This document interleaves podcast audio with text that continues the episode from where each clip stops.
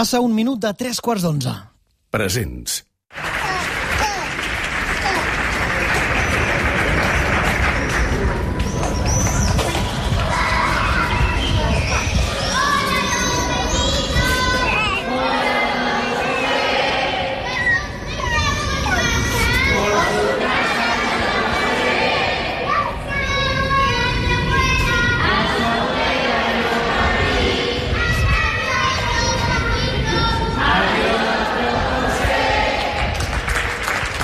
Fa cinc mesos jo no coneixia el Pep. No sabia res d'ell. I és curiós perquè viu només a un parell d'edificis del meu. Hola, Pep. A ver, está conectando con el audio. Ara, ara. No, ara. Ara, ara. Bé. Què tal? Bé, molt bé, i tu? Bé, bé, bé. A molts, el confinament ens ha costat a persones que ja teníem a prop. Persones amb qui segurament ens havíem creuat moltes vegades pel carrer, però que ni tan sols veiem. No conèixer els veïns hagués estat impensable al poble del Pep. Perquè jo el teu balcó no el veig, que la casa veïna és més ampla que la nostra, i el teu balcó em sembla que no el veig. Cada tarda, a les 8, el Pep del Vell ha estat un dels DJs de la illa de l'Eixample on vivim, a Barcelona, els Tetuaners.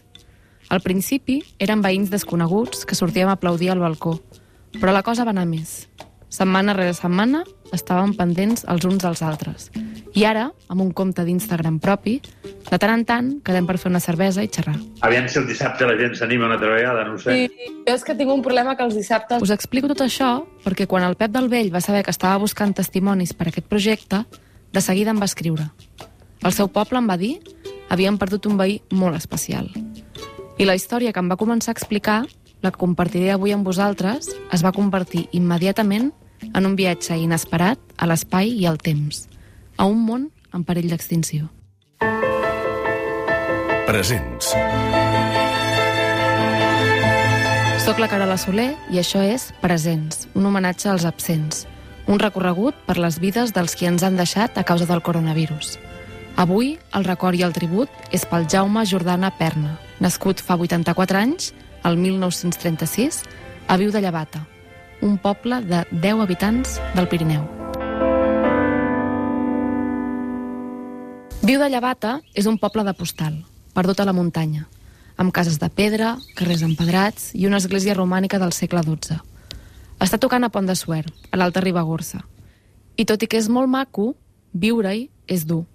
El Pep ho sap bé perquè va néixer allà fa quasi 70 anys. Sí, a l'hivern jo he arribat a estar, i ara no t'escandalitzis, a la tauleta de nit de, de casa a 5 sota 0. Ai, Déu meu. Abans, clar, no hi havia calefaccions, hi havia la llar de foc, però allò és una escalfapanxes només, no? Perquè hem arribat a fora de l'exterior 20 i 25 sota 0, s'hi ha arribat. Guanyar-se la vida en aquest racó oblidat del Pirineu és pràcticament impossible avui en dia. Per això, els seus habitants es poden comptar quasi amb els dits d'una mà. Els Sensats, em sembla que són, sí, això, una dotzena o, o una quinzena sensats en allà. Eh, realment que hi visquin ara hi han eh, una, dos, tres... Unes tres famílies. Gent que visqui al poble de, treballant-hi no hi ha ningú. El mes d'agost s'omple especialment per les activitats de barranquisme, però la resta de l'any algunes parts de Viu tenen un aire paradògicament mort amb moltes cases abandonades. Traslladem-nos per un moment 80 anys enrere, quan el Jaume Jordana, el veí del Pep i protagonista d'aquesta història, va néixer. El poble era ple de famílies, de cases de pagesos. Casa Benito, Casa l'Hostal, Casa el Mestre, Casa Graït.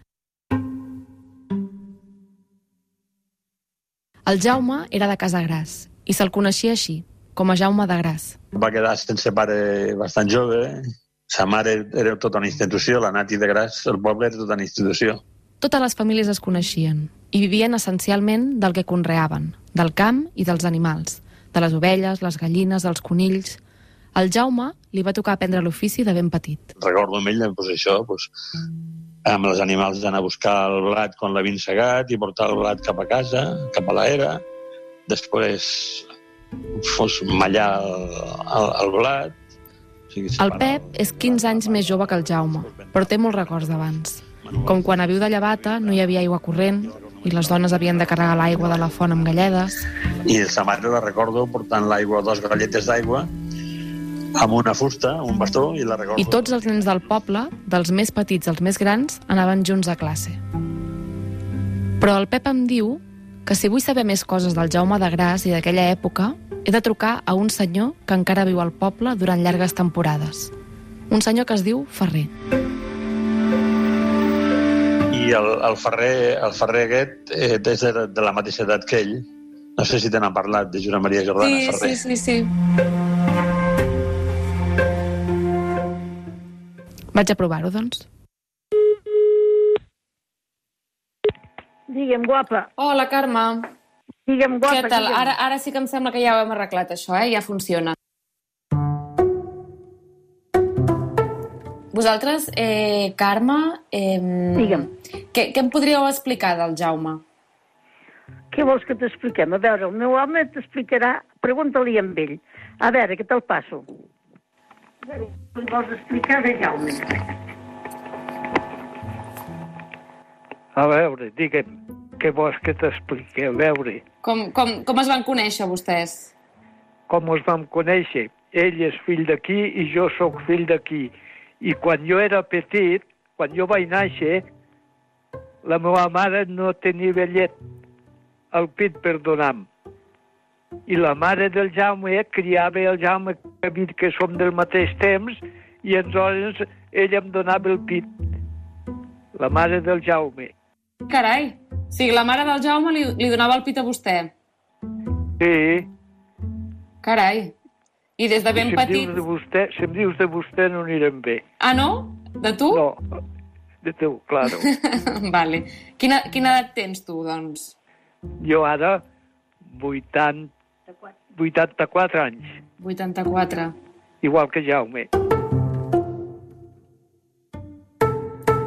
I com, I com recordes quan éreu petits aquí a, a viure amb el Jaume? Què fèieu en aquella època? Tot aviat ja mos van començar a fer treballar. Perquè quan mos sabeu on lligar les espardenyes ja havíem d'anar a guardar vaques i ja havíem d'anar a, a rasclar, a replegar herba, a mallar, a segar. També a pasturar ovelles per les muntanyes. I tot sense cap màquina que els ajudés. Amb fals, dalla, forca... A base de suar molt. Era una vida... Dura, dura, molt dura, però com que ja mos havíem criat ja des de, des de la més petita infància amb la duresa, pues, eh, la, ho portàvem bé. Eh, era sub, subsistir aquí, subsistir. Clar, i ara la gent en sap d'aquestes coses que vostès feien quan eren joves? No, i ara aquí al Pirineu ja no ni segue ningú ni dalla, ningú no... eh, eh, Aquest món és totalment diferent del nostre. I com que ni, ni, ni televisions on no hi havia, ni apenes una ràdio. Hi havia una ràdio al poble que de vegades anàvem tots a la nit, tot el poble, a sentir coses dels maquis, quan els maquis o quan la guerra... Cap a l'any 1944, els maquis, els guerrillers antifranquistes que estaven al sud de França coordinats pel Partit Comunista, eufòrics, en plena derrota dels nazis, van arribar al Pirineu. Només van poder fer que, que copar ella i els van, els van eliminar. El senyor Ferrer se'n recorda també de com durant la postguerra al poble hi havia republicans que s'amagaven a les coves i com ell i el Jaume havien arribat a encobrir-los si venien els nacionals a buscar-los o els hi portaven menjar. Hi va haver un fill de puta que va ser alcalde i jefe de falange. I era un mal, un mal alaja, una mala persona. Sí. Per què? Què va fer? Bueno, a- amargava la, la vida a, a, a, a tothom i, i tenia bé un, un, un ramat d'ovelles i la gent de vegades tenia ben un, els camps sembrats amb blat o el que fos i, i ell amb les seves ovelles ho abandonava tot i, i, i, i ho trepitjava.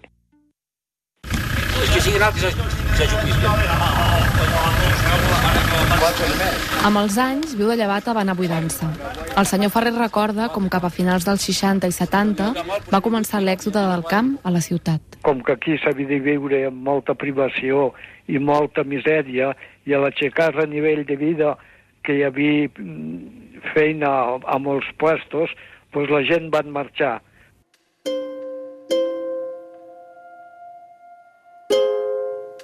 El seu amic Jaume va ser un d'ells, amb la seva dona, la Paquita, i els seus fills petits. Se'n va anar a Barcelona a, a treballar, a, em sembla que era Terlenca.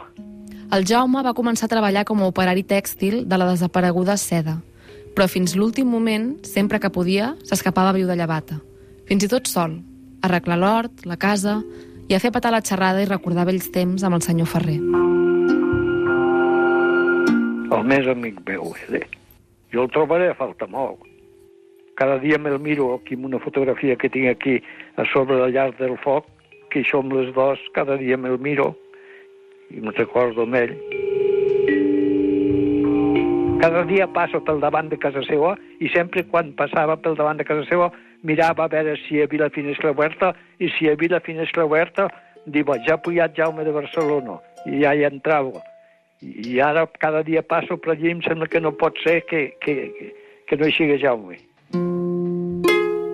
Els germans jugant al futbol i al bàsquet i ell ens, ens portava a tot arreu. El Jaume tenia dues passions a la vida, viu de llevata i la seva família. I crec que no es va saltar cap partit nostre. Sempre es va sacrificar molt per nosaltres. El seu fill gran, el Juanma, recorda que la vida al Prat i després a l'Hospitalet, on es van instal·lar l'any 1974 amb la família, era molt diferent a la que el seu pare tenia al poble.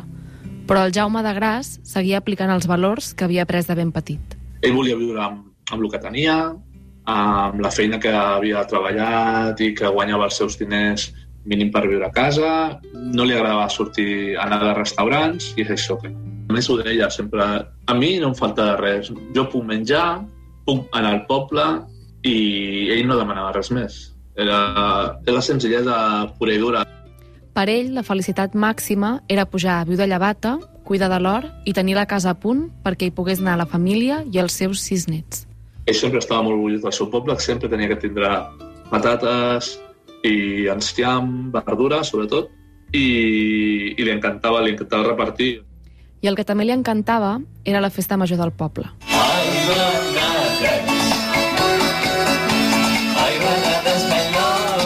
El Juanma m'ha passat un vídeo antic d'una de les festes majors dels 80, on es veu una carpa de ball improvisada en una era plena de banderoles, on el Jaume i la Paquita ballen abraçats, perfectament acompassats, deixant-se portar per la música. Sí, sí, sí, li agrada molt ballar. Molt, molt ballar, era, sobretot passadobles. Què, què creus que, que significava per ell viu de llevata? Viu de llevata ho era tot.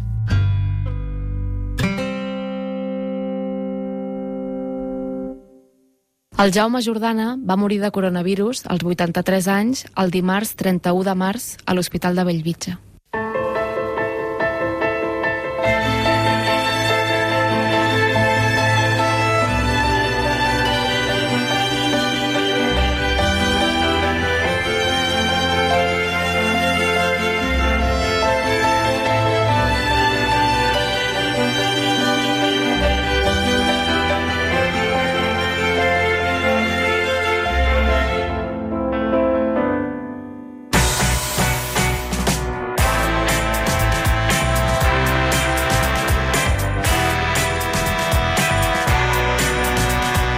Matí de Catalunya Ràdio amb Albert Segura.